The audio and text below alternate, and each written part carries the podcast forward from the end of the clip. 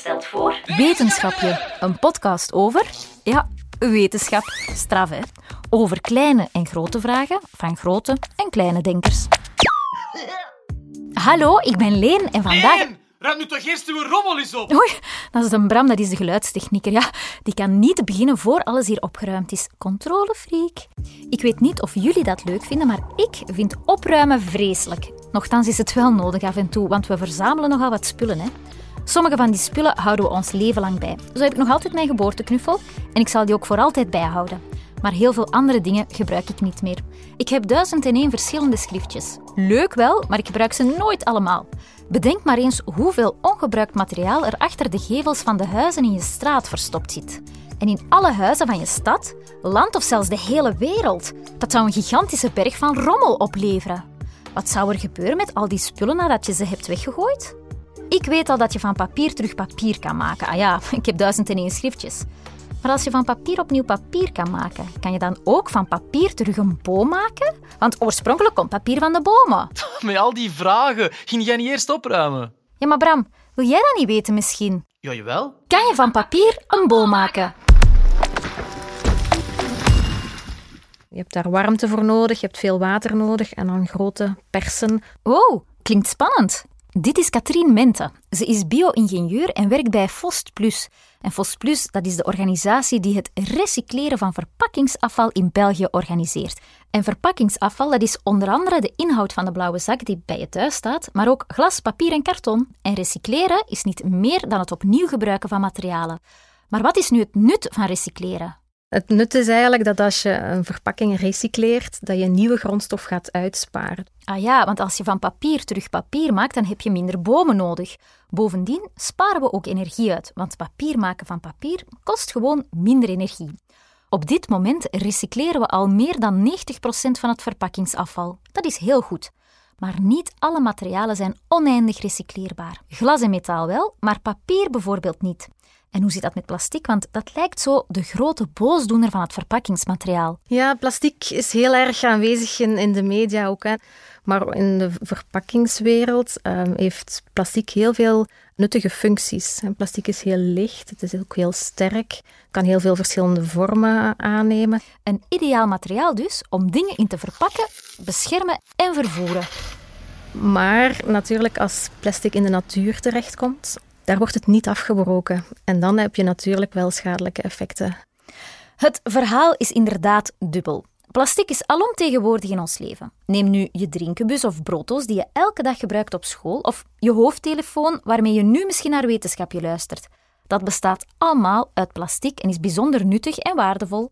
Maar er is ook zoiets als single-use plastic. Dat is eigenlijk gewoon een chic woord voor plastic dat maar eenmaal gebruikt wordt. Zoals bijvoorbeeld verpakkingen van zakdoekjes of omhulsels van snoepjes of petflessen. Die hebben ook genut, maar die moeten we zeker en vast in de juiste vuilbak gooien, zodat ze niet in de natuur terechtkomen.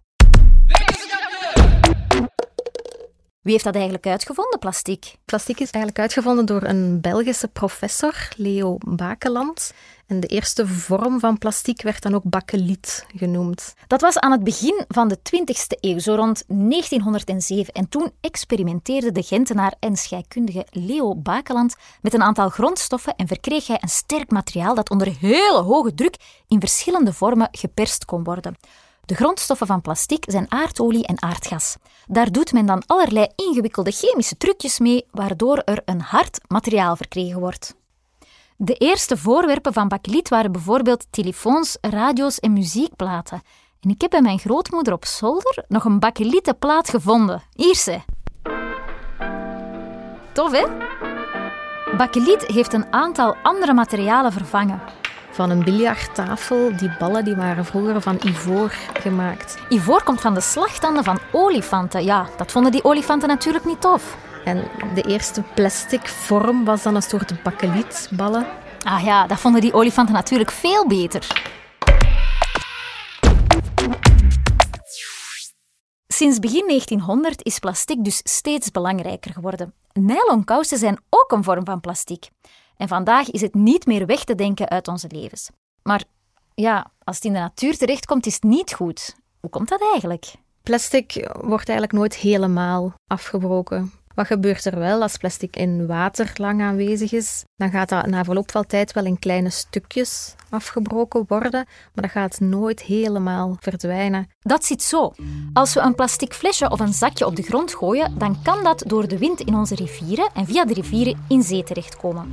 Door het water en de zon en het schuren tegen de stenen zal dat plastic afbreken in hele kleine stukjes. Die noemen ze microplastics. Die zijn superklein en vaak niet eens te zien met het blote oog. Maar niet alleen door flesjes en zakjes komen microplastics in ons water terecht. Jullie hebben waarschijnlijk allemaal een vliestrui of dekentje thuis. Ook die zijn gemaakt van plastic. Straf, hè? Als ze gewassen worden, komen er dus mini-deeltjes plastic via de afvoer van je wasmachine in de riolen en uiteindelijk in onze zee terecht. Bij één wasbeurt komen er al duizend microplastics in ons milieu terecht. Zijn inderdaad die microplastics die in water zitten, komen in de voedselketen terecht en kunnen uiteindelijk in het menselijk lichaam terechtkomen. Want die mini-deeltjes plastic drijven tussen het plankton. Vissen eten dat plankton op en dus ook per ongeluk die microplastics. Wij eten de vissen op en op die manier zouden die microplastics dus ook in ons lichaam terecht kunnen komen. Al dat plastic dat in de zee drijft noemen we de plastic soep. En die plastic soep is 20 jaar geleden ontdekt door Charles Moore op een van zijn zeiltochten. Ja, dat was nogal schrikken, hè. Ik was op mijn gemak van Hawaii naar Zuid-Californië aan het zeilen. En ineens, overal plastic. Zoveel plastic. Dat komt toch nooit niet in voor het leven in de zee? Oh ja. En gelukkig zijn er heel wat initiatieven om de zee op te ruimen. Ja, zo is er de Oceans Cleanup van de Nederlander Bojan Slat heeft een soort van gigantische holle arm gemaakt in een U-vorm die beweeglijk is en op die manier kan drijven en meebewegen met de golven in de zee. En aan die armen hangen een soort van schermen of netten die het plastic kunnen vangen. En plastic is niet het enige materiaal dat in de natuur terechtkomt. We noemen dat afval zwerfvuil, zoals sigarettenpeuken, um, frietbakjes, een klokhuis van een appel, um, papieren zakdoekjes en noem maar op. Nu, er wordt al heel hard gewerkt om te zorgen dat zwerfvuil opgeruimd wordt. Dus je hebt veel overheden, maar ook veel vrijwilligers die zwerfvuil gaan rapen en zorgen eigenlijk dat die omgeving terug proper wordt. En dat is natuurlijk heel goed. Ga maar eens kijken op mooimakers.be. Zij organiseren superveel initiatieven om de natuur en de buurt proper te houden. Je kan zelf ook op pad gaan om zwerfvuil op te ruimen. Zo kan ook jij een mooimaker worden, want afval verdwijnt niet vanzelf. Een klokhuis van een appel zal in twee weken afbreken, maar een sigarettenpeuk heeft al snel twee tot tien jaar tijd nodig om te verteren. En plastic, zoals we al zeiden, vergaat nooit. Oké, ik vat het even allemaal samen. Recycleren is materiaal zoals papier, plastic en metaal opnieuw gebruiken. Plastic is waardevol, maar als het in de natuur terechtkomt, dan verdwijnt het nooit. Het breekt af tot mini stukjes plastic en dat is nadelig voor het milieu. Gooi dus nooit, nooit afval op de grond, maar wel in de vuilbak. Plasticverpakkingen, metaalverpakkingen en drankkartons horen in de blauwe zak. Papier en karton bij papier en karton en glas in de glasbol. Maar ik wil weten wat er met al dat afval gebeurt nadat wij het eerst zo netjes hebben gesorteerd. Neem nu een fles wijn. Wat gebeurt er met een lege fles wijn nadat wij die kapot hebben gegooid in de glasbol? Die glasbol die wordt uh, geledigd door een chauffeur met een kraan. En die gaat die twee compartimenten van glas, wit en gekleurd, gaat die mooi ledigen boven een tussenschot in zijn vrachtwagen, zodanig dat dat mooi kleurgescheiden blijft. Vandaar gaat het glas naar een glasrecycleur. Die gaan eigenlijk daar ovenklaar glas van maken. Dus dat organisch materiaal, restjes die er nog in zitten van de wijn bijvoorbeeld, worden daaruit gehaald. En ze gaan ook metalen doppen of een kurkenstop die erin zit, dat die ook verwijderd worden. Wat mag er zeker ook niet in dat glas zitten, dat zijn bijvoorbeeld keramieke potjes. Omdat dat, dat gaat niet smelten samen met je glas, dus dat blijft daarna in je nieuwe glazen fles. En dat is zeker niet de bedoeling, want dat gaat die heel snel berekenen. Dus als we dan dat overklaar glas hebben, dan gaat dat eigenlijk naar een glasfabriek, waar dat de nieuwe glazen flessen worden gemaakt. En dat overklaar glas gaat ervoor zorgen dat je minder originele nieuwe grondstof nodig hebt om je glazen fles te maken. De grondstoffen van glas zijn zand, soda en kalk. Als die verwarmd worden op hele hoge temperatuur, dan smelt dat. En wordt dat een hete brei waar je glazen van kan blazen of bokalen van kan gieten in mallen.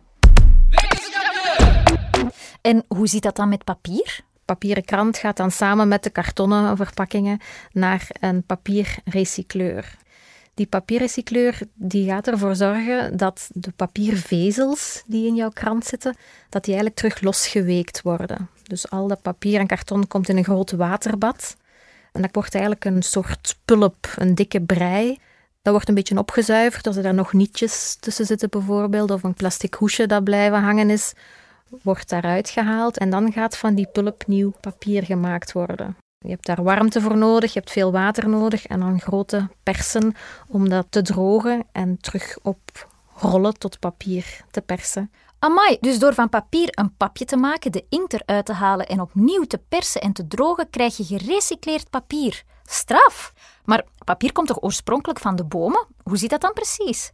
Je kan natuurlijk ook heel stevige vezels van de cellulose van de bomen, kan je heel mooi natuurlijk papier maken. Wow, wow, wow, wow, wow. wacht even Katrien. Cellulose, uh, dat moet ik even uitleggen. Cellulose is het hoofdbestanddeel van de celwanden van de cellen van bomen. Het zit eigenlijk in alle planten, maar in bomen het meest. Cellulose is heel sterk en bijna niet oplosbaar. Een klontje suiker lost op in een tasté, maar een papieren zakdoekje niet. Probeer het maar eens uit. Die cellulose is dus ideaal om papier van te maken. Hey, jakkes, er zit papier in. Dan zijn we aanbeland bij onze startvraag. Als je van papier papier kan maken en van bomen papier kan maken, kan je dan ook van papier terug een boom maken? Nee, van papier kan je een, een papieren kerstboom kan je daarvan maken, maar een echte boom kan je daar niet van maken. Voilà, dat is duidelijk. Dat zal ik eens opschrijven in een van mijn schriftjes.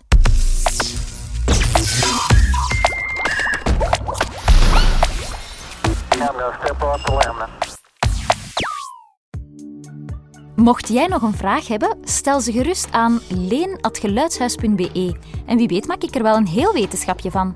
Dit was Wetenschapje met de vakkundige kennis van Katrien Menten, met de steun van Fost Plus en Mooimakers. Wetenschapje is een productie van het Geluidshuis. Klank en muziek Bram Kouwmans, concept en regie Leen Renders en extra hulp achter de schermen van Katarina Martinovski, Anne Smet, Pieter-Jan Vinks, Linde Verlooy en Koen Brandt. Heb je genoten van deze aflevering? Geef dan een score of laat een recensie achter. Zo vinden anderen ook de weg naar deze podcast. Op wetenschapje.be vind je meer info en onze andere producties, zoals de heerlijke hoorspelen. Dag wetenschappers, tot snel! Zeg Bram, doe jij nog even het licht uit? Ja, als het hier opgeruimd is.